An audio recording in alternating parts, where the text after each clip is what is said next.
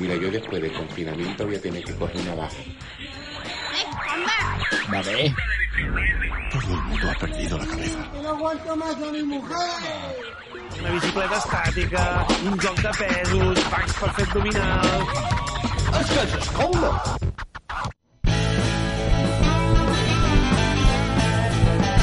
Que ja no sé què fer, que ja no sé què faig. Només penso en tu i en Ràdio Pucera, oh yeah. Benvinguts i benvingudes a sa Ràdio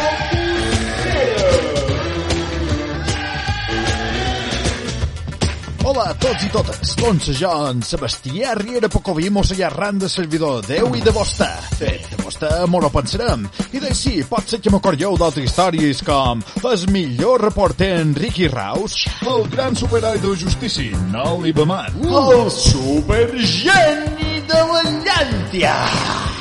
Però avui som aquí per fer el tercer podcast de la Ràdio Pucera. Espero que els altres dos vos hagin agradat. I veig que això està agafant bon ritme. Per això eh, mos convé aturar un poc els peus i no fer podcast cada setmana perquè no donqui els vespres. Per això, a partir d'ara, les trauré quan me surti de les guerroles. Sí!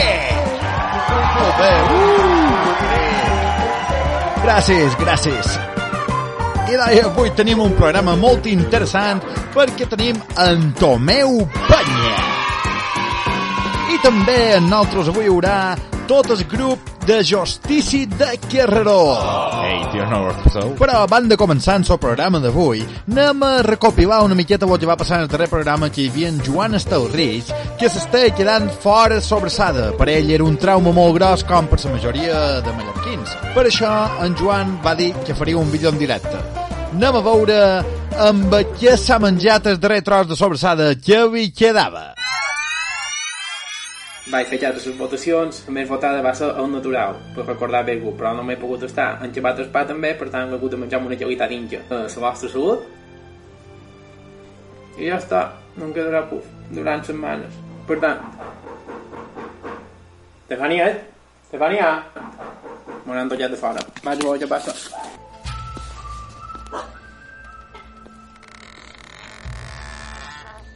Ostres, què paper aquí? Tot anirà bé si tens sobrassada una tercera anònima. I veig aquí hi ha una bossa, no importa passar gent de pena. Ha arribat. Gràcies per seguir aquesta història. Adéu a tots.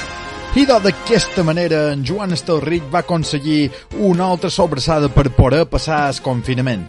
Com que encara mos queden un parell de setmanes, Joan, espero que te vagi molt bé i moltes gràcies a la matancera anònima que te va fer arribar a la sobrassada. I ara canviant de tema perquè estem ben enmig de Setmana Santa i ja sabeu com funciona això. Dilluns sant, dimarts sant, dimecres sant, dijous sant, divendres sant, dissabte sant... Sí. Bien. Salga por esa puerta, líneas a la izquierda, una cruz por persona. El siguiente. Crucifixión. Eh, no, libertad. ¿Cómo? Eh, para mí, libertad. Dijeron que no había hecho nada y que podía irme a vivir a una isla que me gustara. Oh, oh, me alegro por usted. Entonces puede irse. No, hombre, es una broma, es crucifixión, sí. Oh, muy bueno, muy bueno. Bien. Salga por Ya esa sé, ya puerta. sé, salgo por esa puerta, una cruz por persona, me voy alineando. Gracias. Clar, en tot això de Setmana Santa hi ha moltíssima gent que està molt afectada. El fet de no poder sortir, no fer processons, però, ei, no passeu pena, que aquí hi ha plat per tothom. Sou des que vos agrada anar a veure processons? Fàcil. Bona por una a Ciper o en el Mercadona i vos quedeu mirant de fora, perquè hi ha una quantitat de gent que va en el pas de processó per poder entrar a comprar llan per fer panada, i si sou més de participar, no passeu pena. Tres el cucurugull de Campinorat i ja vos servirà com a mascareta per Covid-19. Després també n'hi ha d'altres que han optat per agafar el seu cotxe teledirigit, que feia mil anys que no traien, i han posat un parell de Playmobils a damunt i ja tenen el... talment com una professor, el treuen en el carrer i tots els veïnats a fer mamballetes.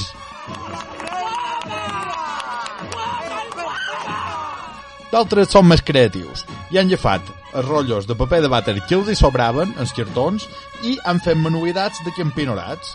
Hem posat un espeumeta des darrer aniversari que els va sobrar, enginxada, encendre i au. Ja tenen el campionarat que fan la processó. I d'altres, que són més teatreros, han decidit fer un pas vivent. Com ho fan? Com a mínim mínim han de ser dos. Un que va baix duient el pas i l'altre que va vestit de Sant Cristo o dalt. Ara bé, si compartiu pis i sou cinc, un se fa mort en terra, els altres ja fan els braços i les llames, el aixequen i... Ah,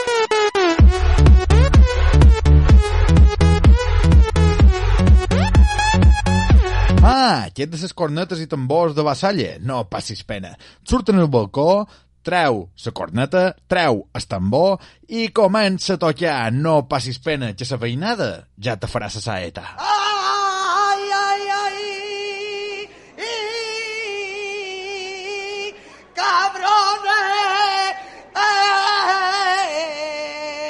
I és perquè ningú tingui ganes de confits, perquè el fet d'estar tan tancats aquí vostre ja estàu confitats i confitades. Clar, imagineu-vos que sou Jesús i vos diuen no, enguany no pots sortir, estàs confinat. I a més a més no te crucificarem. Què va fer? I d'ahir va convertir tota l'aigua que tenia en vi i... Ei, vamos, Jonas, Pot que no que el papa ha dit que el més segur que passi tots les processons en setembre, o sigui, que disfruti mentre es pugui. Però lo més esperat de tot és l'encuentro. I no xerram de l'encuentro entre la Verge i el Sant Cristo, i la remena i la cota. No. Xerram de l'encuentro de totes les famílies que estan confinades. Pares, mares, germans, cosins, nets i netes. Veïnat, sí. Que algun dia l'encuentro arribarà. I com que dilluns voldreu anar de berena a la terrassa, en el corral o en el balcó, Dopo post, e che massa mangiù. us hem preparat una secció de Panades confinades. Jo te xerrava i tenia el colze poet i, i per fa, quan ta mare fa la recepta seva. Que se, Panades, que són de bones, m'encanten. La recepta meva, la que jo Anem a la pasta i posava tu nit de farina i hi poses saïm, un un tassó de saïm i oli. tres taronges de suc ben sucades, Aigua, un quilo de farina, mentida, llet no em posa ta mare. I jo poso llet. de soja perquè li donin aquell Ni llevadura ni res. Una de cada, una d'aigua, una de llet i una d'oli. Sucre, Una massa espessa, eh? Ai, no sé com ho traurà. És molt bona de fer. Ni llevadura ni res. I tot va tampat. He perdut la noció d'estet. ai, Tu mateix ho veuràs, les llafes, i veus si tu hi pots fer, hi pots jugar, per exemple, com a la plastelina, saps? Hi pots fer figuretes i d'ahí. Això és idea. Si tu vols, hi pots maniobrar, ja està fet. aplana i gira. relleno i fiquem El bollit, sal i oli, Sobrassada. Salsitxes. quirxofa, gregols, de bestorrat, Bacon. Un rave. les paves, que siguin tendres però també n'hi pots posar. I atún. Els collons els vol fer més plenes i és que només hi haurà pasta aquí de dins I poses la tapadora. Quan juntes la tapadora amb la panada, i gira els pessits se fan i així llavors els espessits, fas una mica bolleta la plana ben planada, ai Antonieta, no els facis tan primes de davall que perquè agafes un dita de dins i una de fora i fas tic, m'entens? Com una orelleta. però què puta fas, conyo El dit se me fuig, se me fuig, se me fuig. Avui farem unes bones panades. Jo ja no sé quant de dies fa que estic tancat la cuina. I fornar, uh, segons el forn, cada forn té, no té quantitat de 150 fins ja, uh, 180, 190 o 200, Vés a mirar el forn que se te cremaran, se te una temperatura, però vaja, collons, desasa tu mires quan fa tres quarts quilo i tens de dins, m'entens? no pots menjar carn avui, per favor que saps bé Està, si te surten lletges com guapes, totes seran bones. I ara m'aliment d'això. ai, si el bon Jesús te veiés És que fa una oloreta. Mmm, I no te quebrarà ni en 10, 10 dies, pensa tot. i que no creus que 14 panades te basten hombre a menjar, que això és lo important, eh? Vas a reventar. Bueno, si ja no m'entens, ja mos diuen coses, eh? Avi, doi! Adeu! Espero que vos hagi agradat la nostra recepta de panades, bon profit, i ara sí que mon anam a... I aquí arriba el personatge del dia. I avui aquí en directe a la Ràdio Possera no tenim ni més ni pus que el gran Tomeu Penya. Uai, bones, com anem? Va bé, i ara que tu estàs aquí, millora. Mem, Tomeu, primer de tot, com dus aquest confinament i com t'entretens tu? Bé, aquest confinament, la veritat és que estic molt bé, molt tranquil, per molt de gust. Eh, tenc la finqueta nostra, don voltes, eh, escanets, una a cada part. La veritat és que si no fos perquè per de fora hi ha perill, eh, jo me trobo molt bé, molt bé, molt bé. T'entretens amb en Pep i amb en Pop. En Pep i en Pop, i la guitarra, i... I de, mem, Tomeu Nicolau Morvà. Això hi ha poca gent que per mi ho sap, per jo no ho sabia, ho he hagut de cercar. De on te ve aquest mal nom de Tomeu Penya? Totes les famílies solen tenir un mal nom. Uh -huh. Penya és la part de mon pare, que ve eh, de Grècia, sigui Nicolau de Grècia, o sigui que els meus antepassats han estat molt, molt aventurers. I, i jo som penya eh, de mal nom. Men, Tomeu, has gravat més o menys uns 30 discos i més de 300 cançons. Sí, això són moltes mils d'hores de feina. Per gravar-les eh, i per fer actuacions és feina, però és mínima. Lo difícil és composar tantes i tantes de cançons, arranjaments musicals, les lletres, sobretot composar-les, que ha de tenir una cosa molt especial, que te surt de dins i damunt, l'has d'entrenar cada dia, cada dia, cada dia. Ara, jo mateix m'has trobat en la guitarra en les mans, ah, sí? o sigui que eh, és com una feina normal, però artística. Bé. Clar, és una feina que també tens la sort de, de passar gust fent la feina que tu fas. Bueno, passes gust els primers moments. Després, quan ja fa 5 o 6 hores que li dones, i ja, ja, sobretot ja. si no te surt res, res, res ribes de disco en plens i, i a vegades dius, ho deixaré per, per demà. T'entenc perfectament, perquè jo també passa aquí gravant la ràdio Possera. I, Tomeu, quan any fa que hi ha música marca Tomeu Penya? Bueno, marca Tomeu Penya n'hi ha 37 o 8 d'anys. Uh -huh. uh, ara, com a músic, ja són 50. Wow. Com a mínim, 54 o 55. Vaig començar en els 15 anys, jo. O sigui que... Eres ben jovenet. Em duc molt, tota la meva vida. I com vares poder gravar el teu primer disc? Perquè això sempre és una cosa que va dos bes i a més a més abans eh, jo que et devia costar més. El primer disc el vaig gravar en el seu grup el mallorquins, jo tenia 16, 16 anys, una cosa així. I me'l van pagar els nostres pares, m'apareix, fa tant d'any que no me'n recordo. Llavors, el primer com a cantautor uh, me va pagar el poble de Vilafranca. Ah, que bé. Mira, des d'aquí podem enviar una forta abraçada als viofranquers i les viofranqueres i especialment uh, una amiga que hi tem per allà i també a la meva família política perquè jo sense voler hi tenc una padrina i ties per Vilafranca. Per tant me convé saludar dues no els he sabut s'enfadaran en jo o no?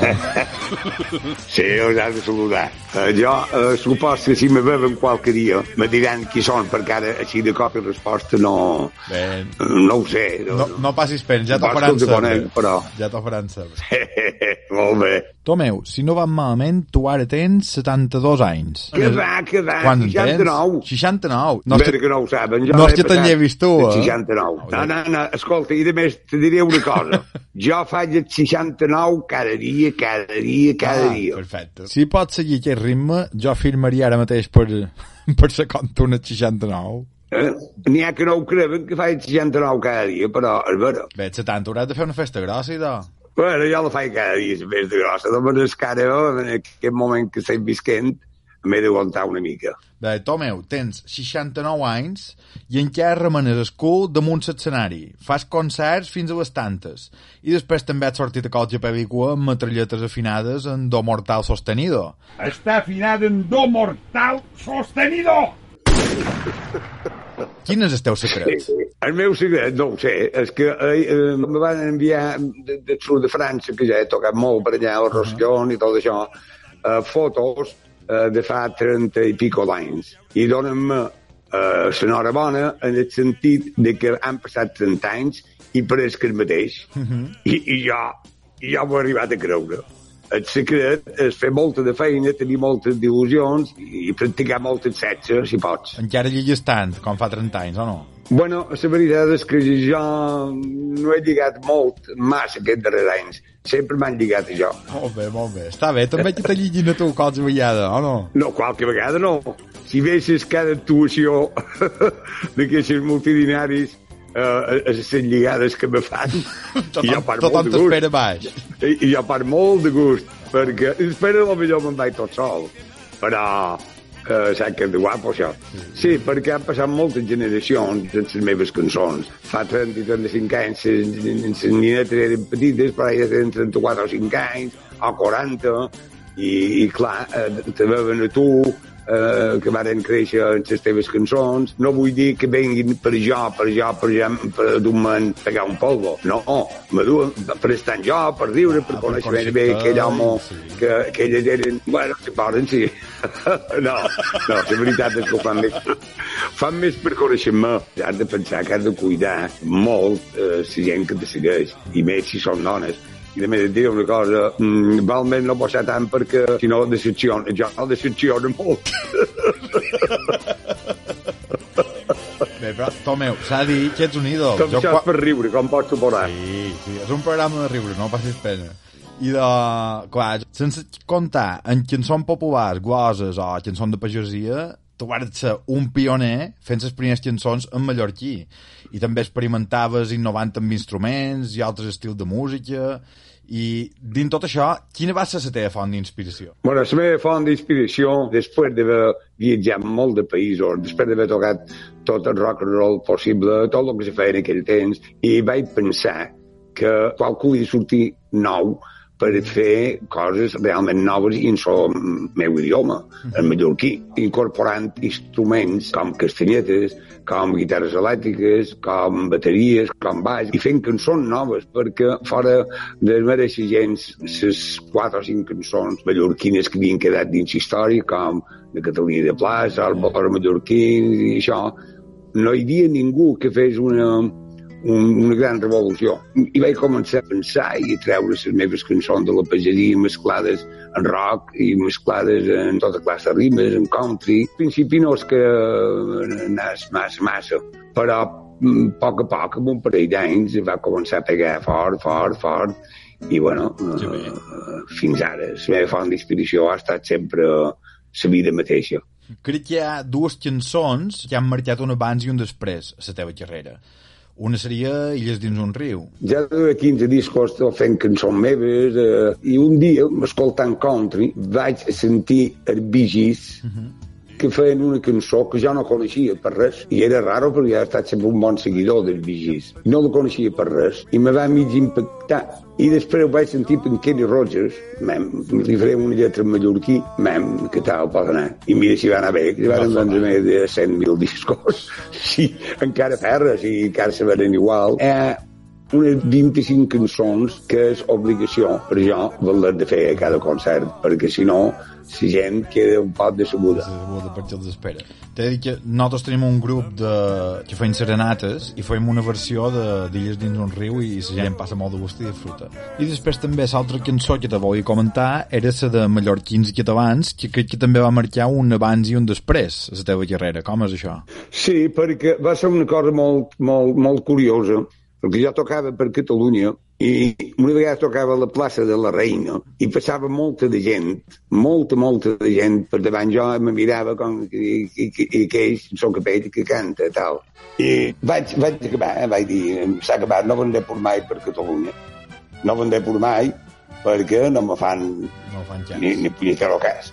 Però va resultar que jo tenia una entrevista per televisió en aquell moment en la trinca. Tu vas acabar emprenyat d'un concert i bon demà tenies el vol de trinca, no és que passés temps. Era just bon demà. Eh, ju, just l'endemà. I va, ja era a Catalunya, dic, va dir, però queda bé perquè la meva paraula eh, s'ha de complir. I, I va ser quan vaig cantar en directe mallorquins i catalans a televisió en directe. I de no ser el dia abans estar emprenyat com un misto i no voler que ningú em mirava, el dia després tot, tot Catalunya parlant d'un cantautor mallorquí eh, que havia fet una cançó extraordinari, tal, que de mallorquins i catalans i tal, tal. I després tot va, va començar a rolar. I des de llavors cada disco arribava número 1 o qualque cançó arribava número 1, tant aquí com a Catalunya. Uh -huh. I això va ser per jo una, una pujada de moral que va fer por i fi- fins ara. És brutal el que amplifica la, televisió les coses. T'he dit que fins i tot nosaltres una vegada, fa molt d'anys, amb els meus amics vam anar a Port Aventura i, i clar, va, van posant Nadales i hi ha un moment que sonava una Nadala teva i clar, nosaltres allà, ja mos dies, un grup de mallorquins enmig de Port Aventura, varen fer una festada per sonar una cançó teva. Jo pareix que breveig, però la veritat és la veritat, la realitat és una. I és el que passa. I el que me fa sentir jo més orgullós és d'un nom eh, de Mallorca amb una cançó, per tot com eren fora millor. És que realment has estat ambaixador a Mallorca i dels primers que hi va haver, que varen sortir, varen donar a conèixer eh, mo molta cosa de, de Mallorca. Bueno, jo te diré una cosa, cada disco que he fet, si t'hi fixes, hi ha una cançó o dues xerrant de Mallorca o xerrant de la natura de Mallorca. Perquè ara, per exemple, en aquest passat hi ha Mallorca s'enfonsa, després l'Estelella, Trenc, totes aquestes coses, i clar, hi ha puestos que me demanen a si jo som molt ecologista. I jo dic que sí, eh, dic que prenc unes, unes pastilles per eh, pixar verd, o sigui que som molt ecologista. I defensem molt la meva terra. No, no, perquè és una cosa que ho estimam i s'ha de cuidar, és així, no, no hi ha altra. I nosaltres hem de cuidar no només de, sa- de, de la resta del món, sinó sobretot de les nostres illes. Cuidar, estimar a la nostra terra, a la que, la que mos mana, i ara mos dona una lliçó de que l'hem de tractar bé, és que hem de resar, la que hem de cuidar és de la natura, la nostra terra. Tento la rebota, meu. La veritat és que no puc estar més d'acord i segurament si prenem un poquet de consciència i tot. Sí, sí, sí. A veure, sé que fa poc varen fer un disc de versions de cançons d'en Tomeu Penya. Eren grups joves i eh, se diu Illes dins un disc. Uh, què tal? Te va agradar aquesta iniciativa? Aquest homenatge? Ah, clar que sí, molt, molt. I a més, més que, que res, és, és orgull de veure que joves coneixien les meves cançons de fa 30 i pico d'anys i ells en, en devien tenir 20, 20, o sigui, que les cançons ja eren més vells o són més vells que ells mateixos s'han anat passant de generacions en generacions, o sigui, joves que són molt més bons que jo més, si m'ho entenem que estan més ben preparats i el que sí, però bueno. Me, me, me toca dir-ho No, no, no, te toca, te me toca, toca dir-ho i però a veure, jo, jo quan els veig i els sent, els joves d'ara estan molt ben preparats nosaltres, de la meva generació, vam haver de, de, de surar musicalment eh, eh, de ciuró, o sigui que vam haver d'anar escoltant, però en discos d'aquell temps i tornar a començar i tornar a començar. Ara avui en dia, amb tot el que ha ordenadors, programes, i ho veus com, com abans de fer, com t'ensenyen els grans mestres, eh, clar, els joves és que són bons, és que són molt, molt, molt bons. I veure que ells feien cançons meves, això, pues, me sentia una mica al·legat, ah, molt al·legat. La veritat és que he sentit el disc i està superbé i mai com emocionar un poc, imagina't tu com, com deus estar. Sí, sí, sí. Hi ha moltes de versions a fora de grups catalans també de cançons meves de que són molt gracioses perquè la fan de la seva manera i xerren català, català i, i jo els trobo molt graciosos, la veritat. Cançó que jo he parit i venen mallorquí i ells se posen català. El trob guapo, molt, eh, molt ric, que té molta de riquesa. Per exemple, Plou, jo l'he sentida en reggae, com vens a sa mamà, en reggaeton, i, i, i, i te promet que fas un gustet de sentir-les cantar en català perquè dic, no s'entenen s'entenen, claro que sí però el trobo molt graciós Mem, Tomeu, si tinguessis un superpoder, quin seria? Bueno, ja el tenc, el tenc. Eh, tota la vida l'he tingut en aquest superpoder. Eh, bueno, he tingut dos o tres, però va, el superpoder poder més gros, el sentit de composició. Això eh, és un superpoder per jo, perquè amb la música i en la composició pots arribar a tot el món. Després l'altre superpoder és que vaig més fort que una mare, eh, que una mare no, no, no sé què t'he de dir, un mat de torrent. No, no, si tot funciona perfecte, s'ha de disfrutar el màxim que puguis la vida, o sigui que jo te'n veig, la veritat, de l'edat que tens i, i en tot el que fas. Per tal, l'edat que tinc, l'edat que tinc és la millor que No, existeix, és vera, és 69. És vera, és Ho vera. diu tothom, tothom me diu 69, ai, que guapo, aquest número, que guapo. I com que jo el faig cada dia, pues... Bé, Tomeu, ets tot un personatge i has creat tendència i tens un estil propi. Però jo te vull fer una pregunta, i és, te lleves el capell per qualsevol cosa que no sigui dutxar-te a dormir? Sí, jo a Vilafranca, només a Vilafranca, però, que sempre vaig eh, fora de pell, i pens, o vaig fora de res, o... Amb refregir pèl. les ca- Bueno, anar en pèl també seria una cosa que hauria de ser normal, en pèl en l'estiu. I si un que té fred eh, i vol anar en pèl, hauria de poder anar, si és el més natural del món. I Per que m'ho han prohibit, no, no, hi ha coses que no les entendré mai, però vamos. Mira, Eh, seran si tu surts, si tu surts Però en quan pèl surt- i en la guitarra, estic segur que t'ho permetrien, que ningú te diria res, eh? te faria molt... Hauria molt de... es goverien molt de gent de veure l'orruac que ja comença a estar.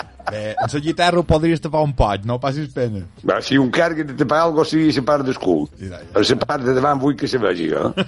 No, jo eh, només quan surt del poble que torn en Tomeu Penya artista, després sí, és una imatge que em vaig crear per la música i per, perquè el capell no canta ni fa cançons. Mem, he investigat una mica i sé que la teva relació amb Manacor no ha estat poca. Te van comprar la primera guitarra que hi havia aquí, que m'ha- per el que he sentit va ser la més bona que hi havia en tota la tenda. Vares venir a classes a Manacor. Uh, per la platja de Sillot vares fer els teus primers estrenos, per dir-ho de qualsevol manera. Sí, sí, sí, sí, sí, sí, sí. Saps de sobres que, que Manacor t'ha apreciat molt, però hi ha una persona tot Manacor que t'hi deu batre més que ningú. Se sent com una espècie de fiteu. I durant el confinament se posa el capell i les uers de sol i mos anima tot baix del cos per balcons eh, fent versions de les teves cançons. Oh, supos que saps de xistes xerrar, no, Albera? D'en Sebastià. Doncs en Sebastià Bassa, que nosaltres, nosaltres a Manacor el, el coneixem més ja Pantià Penya. Ah, està bé. Mem, li, li podries dedicar unes paraules en Antià, aquí, des de, des de la ràdio Possera. Clar que sí. Sebastià, amb aquest cindena. Vares cantar més bé que mai dia primer del mes passat a Palma. El que passa n'hem d'en ser un altre. perquè, ma, a part de l'amistat que mos uneix de, de fa molts anys, ets el seguidor més bo que he tingut mai. I te vull donar una ferrada per coll des de fora, perquè no, no, no mos podem acostar. Eh? I després donar-te les gràcies per ser tan seguidor meu. Salut. Que ell estarà ben content. I doi, Tomeu, moltíssimes gràcies per aquesta entrevista, però jo, abans de despedir-me, t'he de demanar a veure si mos pot fer una sintonia per la ràdio Possera. Bueno, aquí ja és dobret. Aquí, una sintonia. Tothom me demana jo el sé mateix. que Ràdio Pussera ara és la que té més fama del continent europeu. Jo ho sé, perquè m'ho han dit. Deus tenir una dobrada i ja els hauria de repartir una mica. sí, me surten per les hores, me surten per les hores. Primer de tot, encantat de conèixer-te, almenys eh, by telèfon. Suposo que qualque dia mos coneixerem. Amb el passat I el moltes confinament gràcies. vendré a veure-te i te dones les gràcies en persona. Bueno, m'estic més que me duguin una sobrassada, que les gràcies. Perquè en el meu corral entenc d'haver dues camionades de gràcies. Les volen dur totes. m'estic més sobrassades. Te faré arribar una sobrassada, no passis pena. Comenta't, si pot ser, que va bé per les morenes. Bueno, i d'això va dedicat a Ràdio Pussera, eh? Gràcies per la ràdio quan vaig conduint i el meu cos és tot cansament. Gràcies per la ràdio com tots els records sonant les cançons tan importants per mi i per tu. sé cançó que més ballaren la cançó de quan mos la cançó que per primer cop feren l'amor ai no l'oblidarem Ha arribat l'hora de la publicitat. Tornarem en breus instants. Sí. Ràdio Pucera, Ràdio Pucera. Si t'agrada, digue vine els teus amics. Yeah! Gent de Porto Cristo, atenció. Som en Rucifà. Des d'ara, el vostre rei. S'ha que tornar després un diu de gràcies i bandidos. I qui sou vos? Jo. Som la justícia. Justícia de Gerreró. De moment, suspesa la gira per culpa del coronavirus. Pròximament, el pitjor als cinemes. No apte per tots els públics. Està afinada en do mortal sostenido.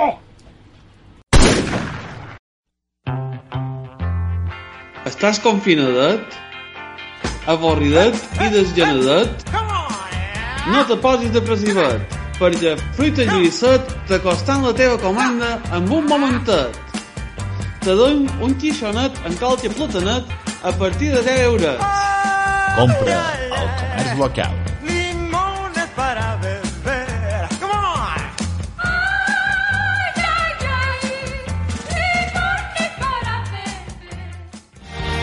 Ja és a la venda el nou disc d'en Roger Pistola, quart creixent, en CD i LP. Si el comanes ara mateix per internet, te l'enviarem a la teva amb un dron, directament. Ja veuràs. Ai, ai, no sé què m'ha passat. Se m'ha posat com a veu de ràdio en un moment, eh, no sé. Uh, res, això, som en Roger. Uh, la del dron era broma, eh? Sí.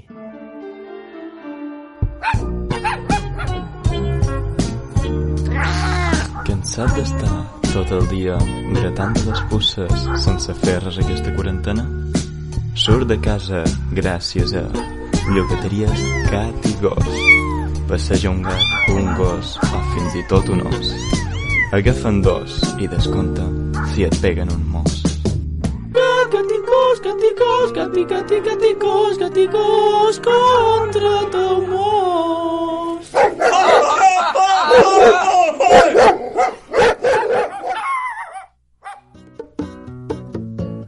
Uei, som en Tomeu Kelly. I com que en Tomeu Kelly és de Mallorca, té una bona sobrassada. El racó de les bèsties. Cerques màscares, dimonis tradicionals de Correfoc, els teus personatges preferits, escultures, carrosses, tallers familiars, maquillatges, espectacles de carrer. Tot això i molt més. El racó de les bèsties.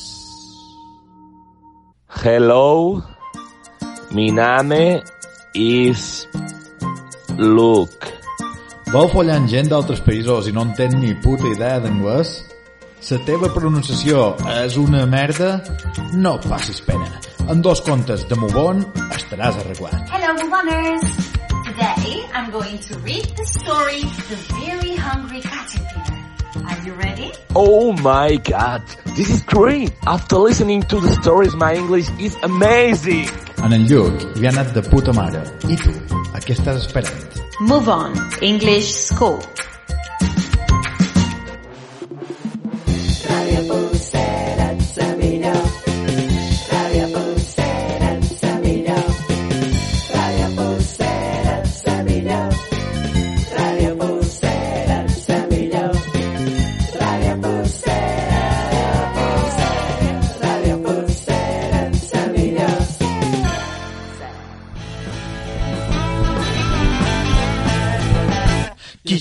què fer, que ja no sé què faig.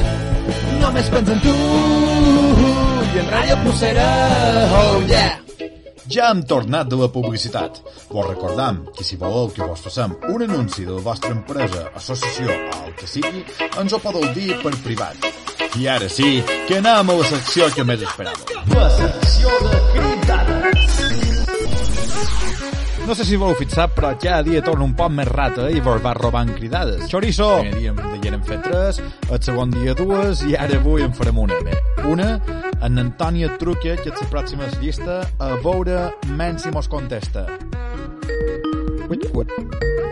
Miau, miau. Sí, digueu? Hola, Antònia, estàs en directe a la Ràdio Pucera. Hola, Sebastià! Com Quina estàs? alegria que me dones! Eh. Ràdio Possera, m'encanta! I ara- mirava la llista d'aquí, he vist que havies pogut a cridar i els teus desitjos són ordres.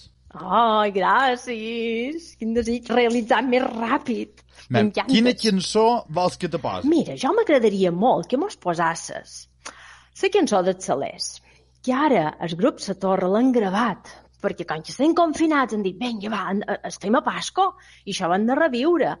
Ara mateix la t'he enviada en el teu correu electrònic i m'encantaria que la posasses, dedicada a tot Manacor. Perfecte, i doncs ara la pos.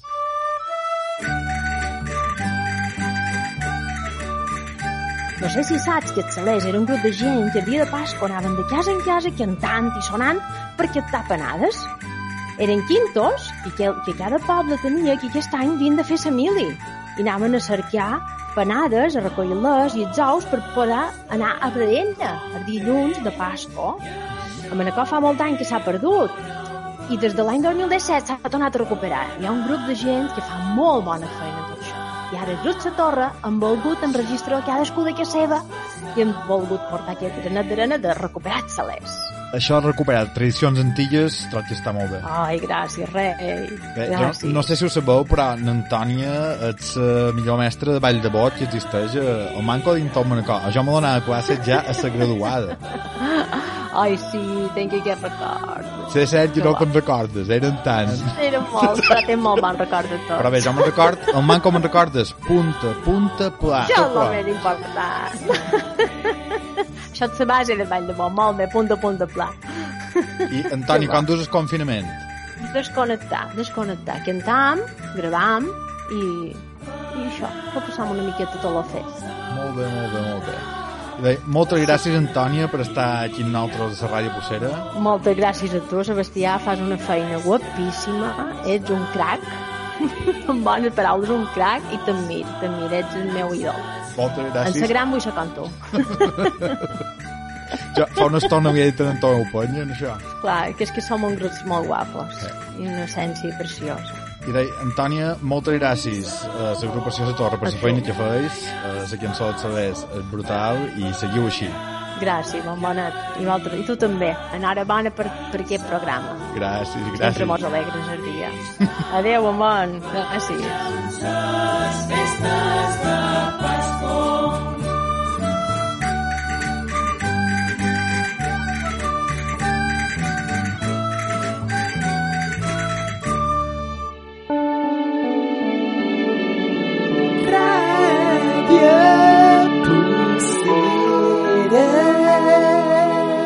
Abans de continuar el programa, m'agradaria demanar disculpes a tots els pussers i pusseres que mos estan escoltant, que estan a la llista de cridades i esperant que els acridi, perquè avui hem tingut un programa molt complet i hem hagut de reduir aquesta secció, que és la més flexible de totes. Però bé, no vos preocupeu perquè qualcun dia arribarà la vostra cridada.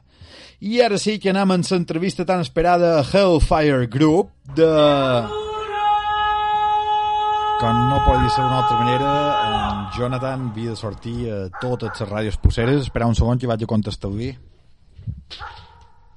Aguanta, Jonathan! Bueno, ja poden seguir i ara sí que aquí tenim en directe a Hellfire Group. Bon dia, justiciers, i benvinguts a la Ràdio Pussera!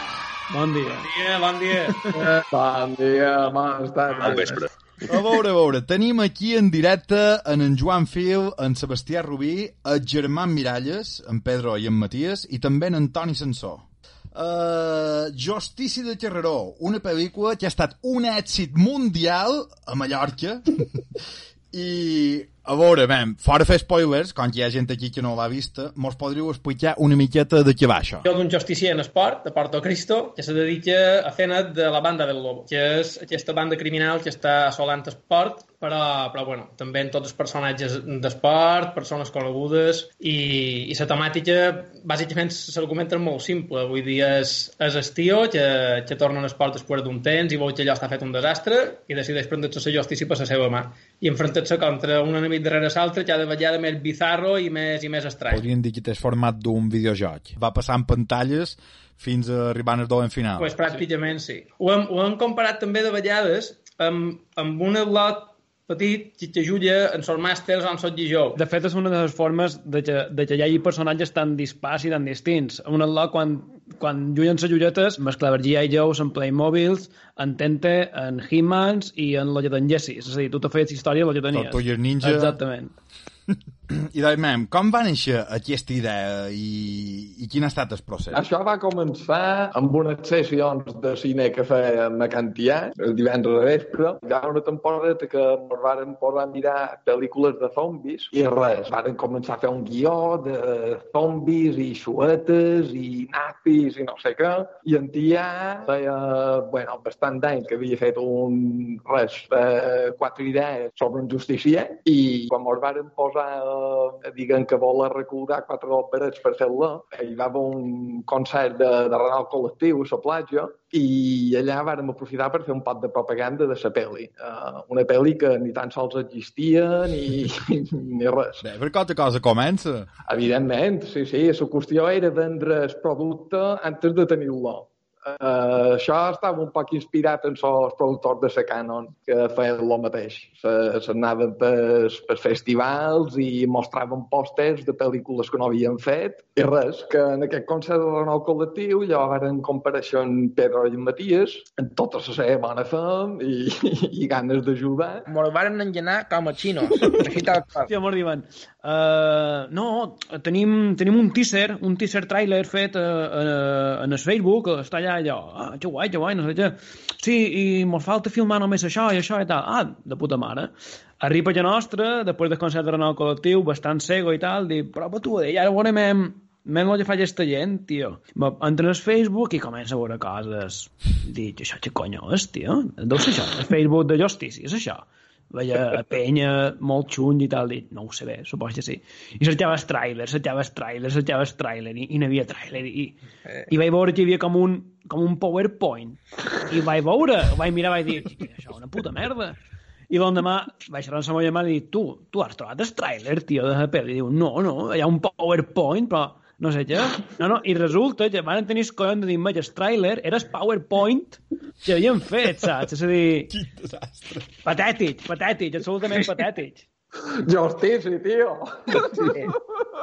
I res, que llavors al final pues, eh, Miquel Àngel ho va deixar anar i en Pedro i en Matías se'n van cuidar de, de tot el tema tècnic i això. Llavors, a partir d'aquí, pues, la cosa se va posar un poc més sèria perquè, clar, eh, aquesta gent realment en sap i endavant les ratxes. A veure, en Toni ha comentat coses de nazis i xuetes. Jo m'ha fet gràcies a promoció que teniu, no?, d'en de, Hilbert, que està amputat perquè encara no ha pogut veure la pel·lícula per culpa del Covid-19. Sí, això, bé, això això, això d'en Hitler ara ha estat un, una petita broma que hem volgut fer així en el confinament, perquè sé que hi ha molt, molta gent que se va quedar també en les ganes de veure la pel·lícula i, i clar, i, i en Hitler no, enorme, no? En Hitler era un dels que havia d'anar a veure la de dia, de dia de 8 de març i no, i no, no, hi va, no hi va poder anar. Està ben emputat, jo he vist, he vist el vídeo i m'ha fet molt No el deixin sortir del búnquer. A veure, quina ha estat la font d'inspiració que vos ha duit a crear aquest fi vostre? Justícia de Gerreró és un homenatge al cine de justiciers que va inundar videoclubs en els 80 i els 90. La referència d'en Charles Bronson i, la seva salla de pel·lícules hi ha cinc parts i nosaltres sempre hem estat molt flipats en la 3 que a Espanya m'apareix que se diu El justiciero de la noche és un desastre i és molt bona. Aquesta jo crec que és la font d'inspiració inicial.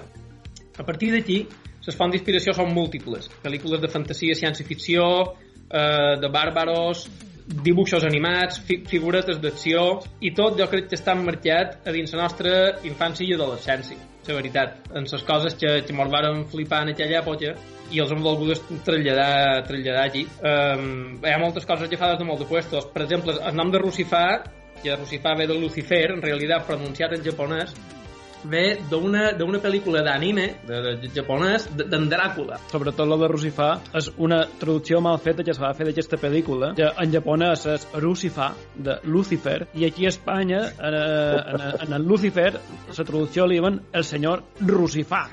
I d'aquí ve la de Rusifà, és a dir, el nostre gran protagonista en Rusifà és en Lucifer. Bàsicament, tot Justici és una mescla de referències, tributs, còpies, com tu li vulguis dir, però no m'he inventat absolutament res i tot vendria un engendro de cerebrat mesclat i transformat en una pel·lícula. És a dir, no m'ho esperàvem acabar fent una pel·lícula. Havia de ser un curtmetratge i vaig acabar així perquè no necessitàvem més espai per donar cabuda a tota la nostra demència d'hores de sobre i xerrar sobre idees, noves idees, altre guió anava mutant dia a dia. Podríem dir que som un poc com en Frankenstein, no? Que heu anat agafant petit trosset de pel·lícules uh, uh, mortes o abandonades i els heu juntades i ha, ha sortit aquest engendro, no? Sí, exacte, això és un engendro. Hòstia, de fet, m'ho hem hagut d'aturar els peus en altres mateixos, moltes vegades, perquè les referències i les bromes eren tan entrevessades que només en teníem un parell de nosaltres, ni siquiera tots els dos grups, que és que, clar, nosaltres reiem, però és que no feien gràcia realment, saps? I, i hem hagut de tirar... Ja eh, sí, nosaltres sí, dos, saps? A millor nosaltres mos compixàvem, però l'altra gent que veia allà, amics o alguna que no s'enteraven de res.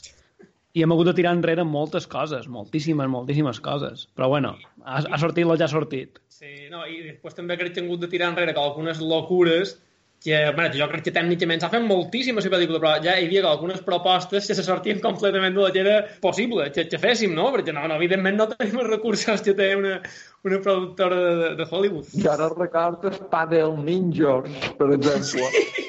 Havíem de pujar a, a damunt un pa del surf, vestit de ninja, amb sorra amb que fos una metralleta i hi havia d'haver com un enfrontament de, de pàdel ninjas, eh, tio, damunt una lanxa, bé. Exacte, tu, tu, tu tia, has vist, has vist la pel·lícula, no, Albera? Sí, sí, sí. Tu has vist hi ha una gran persecució sí, sí, sí, sí, sí. A, a, a, dins la mà. Ok, doncs pues tu ara imagina't... És una passada. Exacte. Que m'he imaginat, m'he imatginat els dos sí. tios, els dos ninjas, però, enmig però amb un pa del surf, és a dir, quina velocitat van? És a dir, com, com van propulsats? és a dir, hi ha unes idees un poc nefastes a vegades, que quan les contes fan moltes rialles, però quan estàs un dia de set per juntar tothom de dir, tio, quin dia poden filmar? Tal dia, perquè tot això ho han fet en temps lliures. Si tal dia jo puc, jo puc, sí, no sé què. I és a dir, tot això, anar un dia en on és tots a on sigui, la punteta a on sigui, disfressat amb ninjas, ficar-lo damunt una taula de pàdel, no sé què. Tio, són hores, hores, hores i hores per fer això i que després no funcioni. Eh, hombre, I, i després te passi una vanxa per de vora sí, i te, i, i, te tomi... i tremola, i se cau, eh, aquí com ell canviar, saps? No. Pues, bàsicament, on ja soni molt, molt bizarro això, eh, així ha estat justici, bàsicament, eh? Uh, que tothom ja ha participat en la pel·lícula, ja ha vengut a dies de rodatge, m'han vengut personalment, a mi i a tots, crec, i mos han dit, tio, és a dir, no m'esperava que sortís això que ha sortit, perquè el dia de rodatge allà era un puto desastre, saps? Crec que en Pedro el que ha dit, o sigui, no sé com punyetes m'han sortit de fer aquests rodatges. O sigui, sense tenir ni idea, com a començant quasi de ser anar allà, au, venja, càmeres i trastos, han de dur trastos, tu, tu has de dur el vestit, tu has de dur allò, tal, i al final ha sortit. A vegades, quan estic editant, eh, jo ja sé, escenes s'havien filmat feia un any o un any i mig o, inclús dos, perquè això s'ha dilatat a més de tres anys. Jo veia, eh, quan estava seleccionant material, deia, com conyo mos varen ficar a muntar aquest puta follon? que ara ho veig i me fa una puta peresa perquè és, és, és, és a dir, una pel·lícula té una preproducció brutal les pel·lícules normalment tenen un, un, una quantitat de gent currant brutal nosaltres eren sis persones matades que, que, que vamos, és que no sé com conyo ho van aconseguir, no en tenc ni idea. Ara ja ho, ho miro i no, no ho sé, és que tenc com un blackout, he intentat olvidar segons quins rodatges perquè eren un puta cristo, però bueno, en el final ho van passar molt bé i crec que bon veurà, que encara pot ser que sigui més bizarro que la pel·lícula, és quan traiem el making of. Sí, és una cosa que, que tenim ganes, que tenim ganes de treure-lo el making of i allà veurà eh, l'arrel l'arrel justiciera de on, de on ha sortit aquest, aquest engendro, com diuen els, els meus companyeros. Perquè el que deia en, en Sebastià, a cada rodatge eh, saps què havia pensat? Saps què podríem fer? Podríem mirar de fer... I, conyo, el, el meu germà i jo havíem preparat ja un poc les escenes, el timing per rodar, i el fet de ficar mos un, una escena nova perquè l'havien pensada al vespre, antes d'anar-se'n a dormir, eh, era rompre moltes d'esquerres. I dèiem, bé, jo pensava, això si surt, no sé com sortirà. Poden dir que ha entrat una pel·lícula. Així és, quan eh, nosaltres, per exemple, en Joan Sebastià, que, que, que fa de Golan, i jo, que arribàvem, ja fa de, de Rossifà, moltes vegades mos passava, que, bé, man, no m'ha pogut passar jo tot, però bé, jo he mirat d'escriure quatre frases en cinc antes de seure i les nostres més, si això quedarà bé. I en el mateix moment de temps real anàvem eh, baratant i afegint, i clar, té, té un punt d'espontaneïtat que també li dona aquest punt de risc, perquè pot ser un desastre, com bé heu comentat, però també li dona aquest punt que en el final te pot sortir una cosa realment espontània que pot ser millor que si l'has previst tant, tant, tant, tant de molt arriscat. Ara que dius això, Joan, vos vull fer una pregunta. En en Pep Bosch, li donau els diàlegs escrits o se'ls inventava? Estan escrits, estan escrits. Sí, estan escrits. El en Bosch escrits. És un personatge que cert que ha volgut fer tota la seva vida i ho va brodar, és espectacular, m'ha agradat molt, també és molt divertit. Sí, no. No sabia si els havia tret ell, vos duia propostes vos deia, mira, he pensat això i això altre. Perquè... No, eh, va passar molt puta, la veritat, en Pep, perquè en recordo un en concret que quan havia dit jo tenc el poder. Ell deia, jo tenc el poder. I deia, no, corten, po poder no, poder. Jo tenc el poder, no és poder.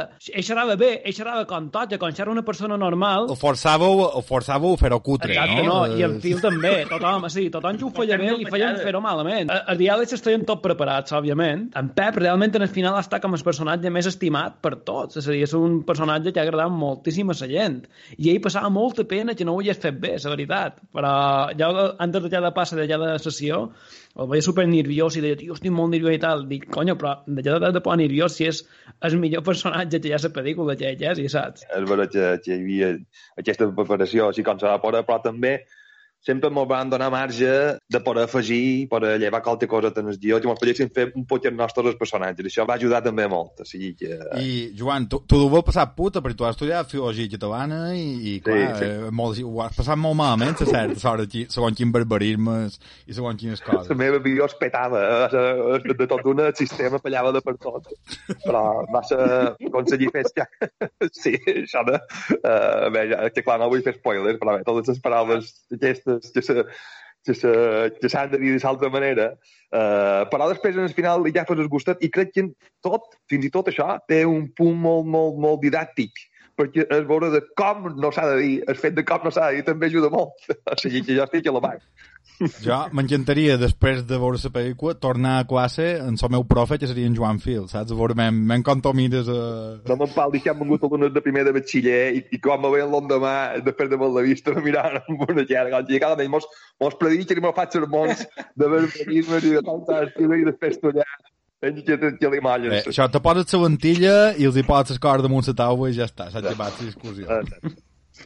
Bé, Uh, bé, jo vaig venir a veure la pel·lícula i la, veritat és que vaig disfrutar com un lot petit i el que m'ha cridat molta atenció va ser la banda sonora, que era vuitantera 100%.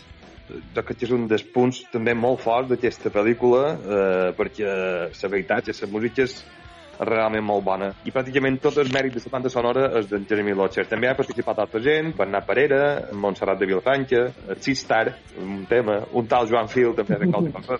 Eh, Ramon i Cos estan allà a tope, que, que està, està molt bé també. Un dels temes és en Dani Paz, i en Dani Paz també mos ha ajudat eh, en tota la mescla de la pel·lícula. Que la base de l'àudio de la pel·lícula és dolentíssima, perquè no han tingut cap tipus de tècnic de so durant tota la pel·lícula, i en fer-lo ja hem pogut per salvar l'àudio i molt de l'àudio s'ha hagut de doblar després aquí a, en el nostre estudi i, i, i ja està. Bàsicament, eh, la pel·lícula en si és una caca, però la música és bona. És a dir, la música és molt bona, la veritat que sí. Estem molt contents de la música que hem aconseguit. Jo hi va haver gent que sortia i deia m'ha encantat i estic contenta que hi que hi hagi hagut pot diàlegs. Sí, sí, estem d'acord. Estem, de fet, estem bastant d'acord. L'únic objectiu que teníem, bàsicament, quan estava fent l'edició de la pel·lícula, era que no fos avorrida i que fos entretenguda. Això ho vàrem anar veient a mesura que fèiem el guió que moltes vegades hi havia propostes de guió amb parrafades llargues i a l'hora de la veritat ens veiem obligats a, a cursar-ho perquè en l'hora de traslladar-ho a lo que era la pel·lícula veient que millor allò no funcionaria. És que l'únic actor que realment, en el que realment li podien donar un pot de corda que diga amb un diàleg més llarg, eren en fil. Sí. I llavors tenim l'oposat, que és en Golam, que en Joan Sebastià Pereira, que, que és que sol no xerra. O sigui, diu quatre paràteren. Però està super ben jullat, eh? Està, està molt ben jullat. Això que m'ha fet gràcia. Bueno, de fet, d'en Golam, allà la típica frase que, que sempre mm. d'ell, que és totalment certa, que és que quan ell intentava actuar li deia no, no, no, Golam, tio, no actuïs, no actuïs, sé tu mateix, tio, no actuïs. Vale, vale, vale, vale. I ja està, ell no actuava i, i ho ha fet de puta mare. En Golam també que passa és que quan xerres, les frases que diu són frases que quedaran per molt de temps, igual que la llei de Texas és espectacular. jo... M'ha quedat gravat, m'ha quedat gravat. Questo capullo, per lo visto, no s'ha enterat que quin Pere és la nostra llei. La vostra llei. I tu no coneixes la llei de Texas. ¿Ma qué cosa la ley de Texas? Que te las protejas. Això s'ha de per la Salle en els anys 80 i 90, era una cosa de per recreo. Sí, sí. A veure, el germà Miralles ho heu comentat un poc però realment quantes hores creus que hi ha de postproducció? Bé, a postproducció només hem estat dues persones fent feina, hem estat el meu germà Matías i, i jo. Ja he estat en tot el tema de l'edició i el meu germà ha estat molt centrat en tot el tema d'efectes especials. N'hi ha molts, però no hi ha res en 3D. Tot el que ha la pel·lícula és a l'antigua i no hi ha res fet en 3D. Però bueno, bàsicament dos anys de feina, quan han tingut temps, menys aquest darrer any, a partir d'agost fins a novembre, que havien de treure la pel·lícula sí o sí, m'ho van posar un deadline, no sé, te puc fer un càlcul molt ràpid, però més de 1.500 hores de postpo eh, allà, segur, però seguríssim, fora cap dubte. I, òbviament, eh, a cobro zero. És a dir, d'això no en guanyar res. És algo irrecuperable, però que ha valgut la pena per, per, per, bueno, per, per tenir la pel·lícula i per lo que hem après durant el camí, bàsicament. I vos heu plantejat posar en marxa una segona part? Crec, crec, que, crec que no. Crec, crec que no, sense, sense escrec. Jo crec que... que clar, no hi haurà segona part de Jo sí sé Quiraró. A potser hi ha qualque altra cosa, però Jo sí sé Quiraró no hi haurà segona part. Com ha dit el meu germà abans, eh, el fallant es treure és un poc és, és making of. El que passa que serà tipus un documental de com, com varen fer i com, varen, com vam aconseguir fer eh, Justícia de Quiraró. Però segones parts ya, ya, ya digo, has, has, dicho, segundas partes nunca fueron buenas. Si ve qualcú i mos, i mos, mos fa de productor, mos paga i això, i mos dona les facilitats, ho faríem, però hem de, crec que estem tot d'acord que hem tingut molta sort de comptar en les instal·lacions de l'Aquario antic, perquè fora, fora l'Aquario, jo sí de Carreró no hi he sortit com ha sortit segurament. La veritat és que l'ambientació de l'Aquari vos queda una passada i, i també m'ha fet ja xerrar una mica de, dels cameos, de, de la gent coneguda, uh, un poc més famosa, que surt també a la pel·lícula. Deixa, Sebastià, que van denomenar aquests, eh, no m'oblidi de dos membres que justament no han pogut assistir a entrevistes, que són en, en Víctor Riera i en Carlos Pachón, també es formen part de Hellfire Group Inc., Corporation, que tampoc no pot venir, i també una menció especial en en Joan Sebastià, que és en Golam, que és el protagonista. Mm, respecte dels cameos, d'aquestes participacions de, de personatges il·lustres, en Tomeu Panyes un d'ells, després també surt Àngela Alfaro, la presentadora d'IV3 Notícies, allà en Marc el Dentell, que és el que surt en el temps de, IB3, que també és Manacori, per cert. Després també tenim un altre, que és en, en Joan Gomil. Joan Gomila és l'amo d'esport, també surt. No vull fer molt d'espoiler, perquè si no l'han vista també... No, ja, ja ho faré jo, l'espoiler. La veritat és que jo me lleu el capell davant l'actuació en Joan Gomila, trob que Uh, és una passada veure-lo fer el que va fer i que està bé moltes vegades poden riure d'un mateix, siguis polític, siguis art- artista o siguis el que siguis. Per tant, eh, des d'aquí s'ha guanyat la meva admiració. és la veritat, és la veritat. Una cosa, a més, tio actua beníssim. Ho fa molt bé. Sí, sí. Pensàveu que tindria tant d'èxit la pel·lícula de, de Justicia Carreró i també com va ser veure una pel·lícula feta vostra allà a la, a la gran pantalla. Vamos, ni de conya. No, no, no m'ho esperàvem per res. Bàsicament per la llei d'en Joan. Era una pel·lícula de- d'autoconsumo. És a dir, la varen fer per passar algun altre si veure-la i se me va presentar l'ocasió de, de fer la presentació a l'auditori de Manacor i van trobar que era massa gran, que, que pensaven que no ompliria. Nosaltres feien comptes demanar la sala més petita dels multicines de Manacor. I el dia de la presentació, pues, bueno, eren més de 700 persones i vàrem al·lucinar de com va respondre la gent. No mos esperàvem per res. O sigui, veure la gent aplaudint de meitat de pel·lícula, pellant crits, rient, i estàvem al·lucinant de la reacció de la gent, no, no mos ho creiem. De fet, estàvem allà a la darrera fila, que estem pellant s'empantant entre nosaltres en plan a, a, a, la gent està reaccionant bé, saps? Era algo totalment inesperat. Nosaltres sempre, sempre vàrem visualitzar aquest moment com a mira, en aquest moment eh, nosaltres mos compixerem de rialles, ja, ja, ja, ja, i ningú més se'n riurà en el cine, saps? És a dir, no li farà gràcia a ningú. I ja va, va ser un èxit inesperat 100%, però en tots els sentits, i crec que tots estem iguals, eh? La gent aplaudint a cada, pràcticament a cada escena, a cada sortida del personatge, era una cosa com un, un déjà vu d'aquelles sessions que tu veies que tenen amb, amb, amb VHS o VHS dins els anys 80. Lo de l'auditori va ser increïble. Jo crec que és el premi que han tingut. O sigui, és el premi. A veure, hi ha molta gent que s'ha quedat en les llanes de veure justícia. I així com està, tots els temes, les mesures de seguretat i tot això, pareix que això va per molt llarg.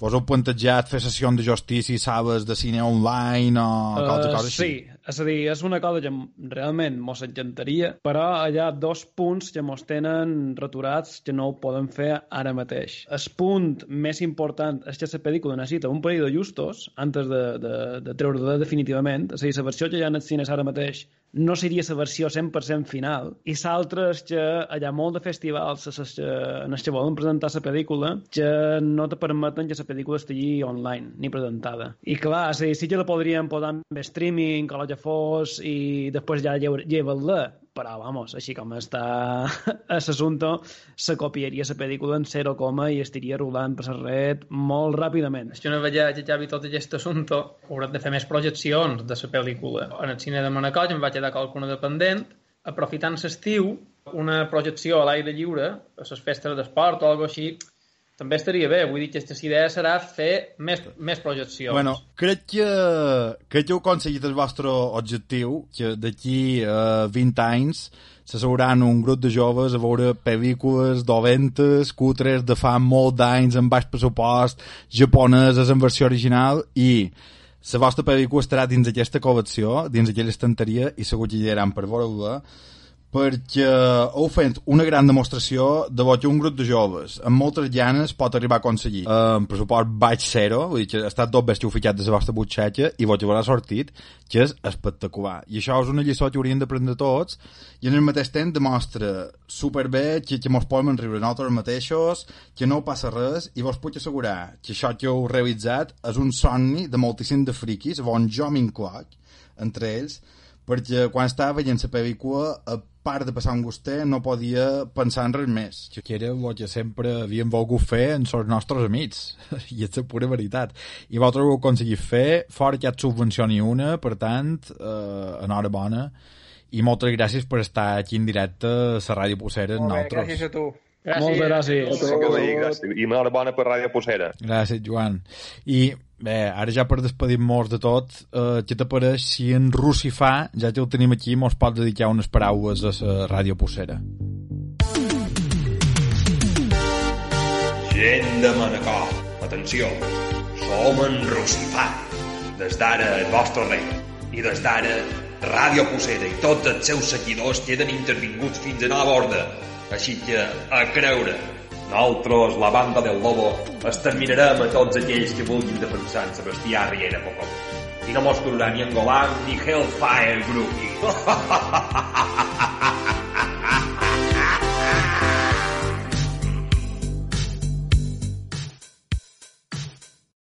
I aquí mos despedim d'aquest programa. Recordeu que la setmana que ve segurament no n'hi haurà, tenc feina i me falten hores, me falten hores de vida.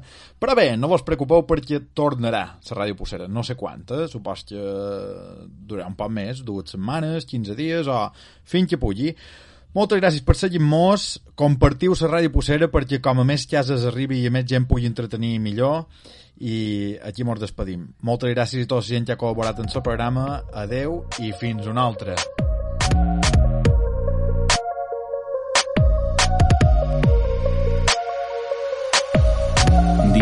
canta el gallo, me voy a hacer de vientre, oigo voces en la radio, no dejan que me concentre. Cuando un vermut se larga siete días, sé lo que pasa, pero nunca había estado metido tanto tiempo en casa.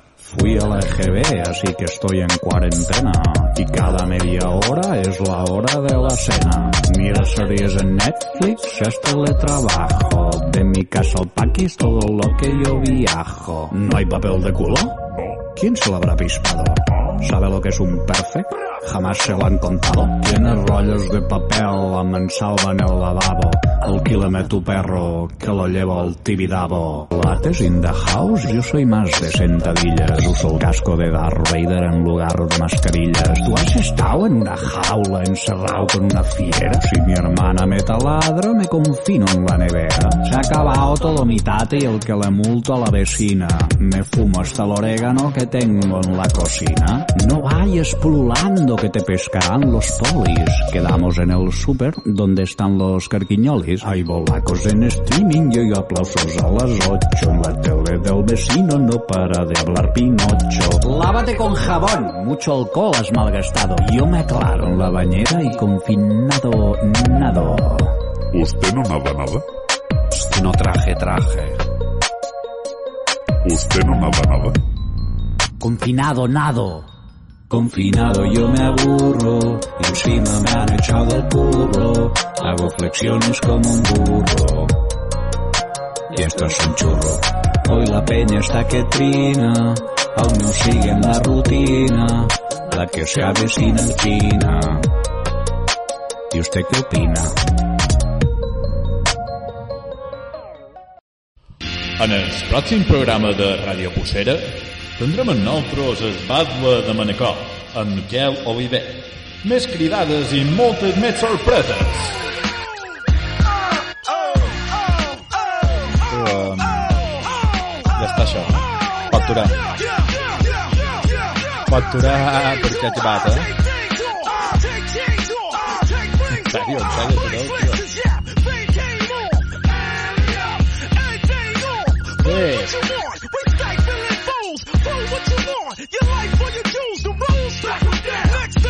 Yo, yo, yo, yo!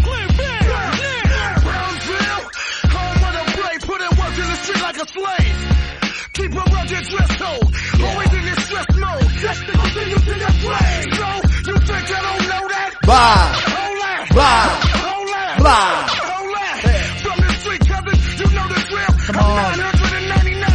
of a mill. Hurry up! Yo, that phone! Yo, yo, that phone! It's the perfect timing. You see the man shining. Get up off the damn Eh, oh yeah.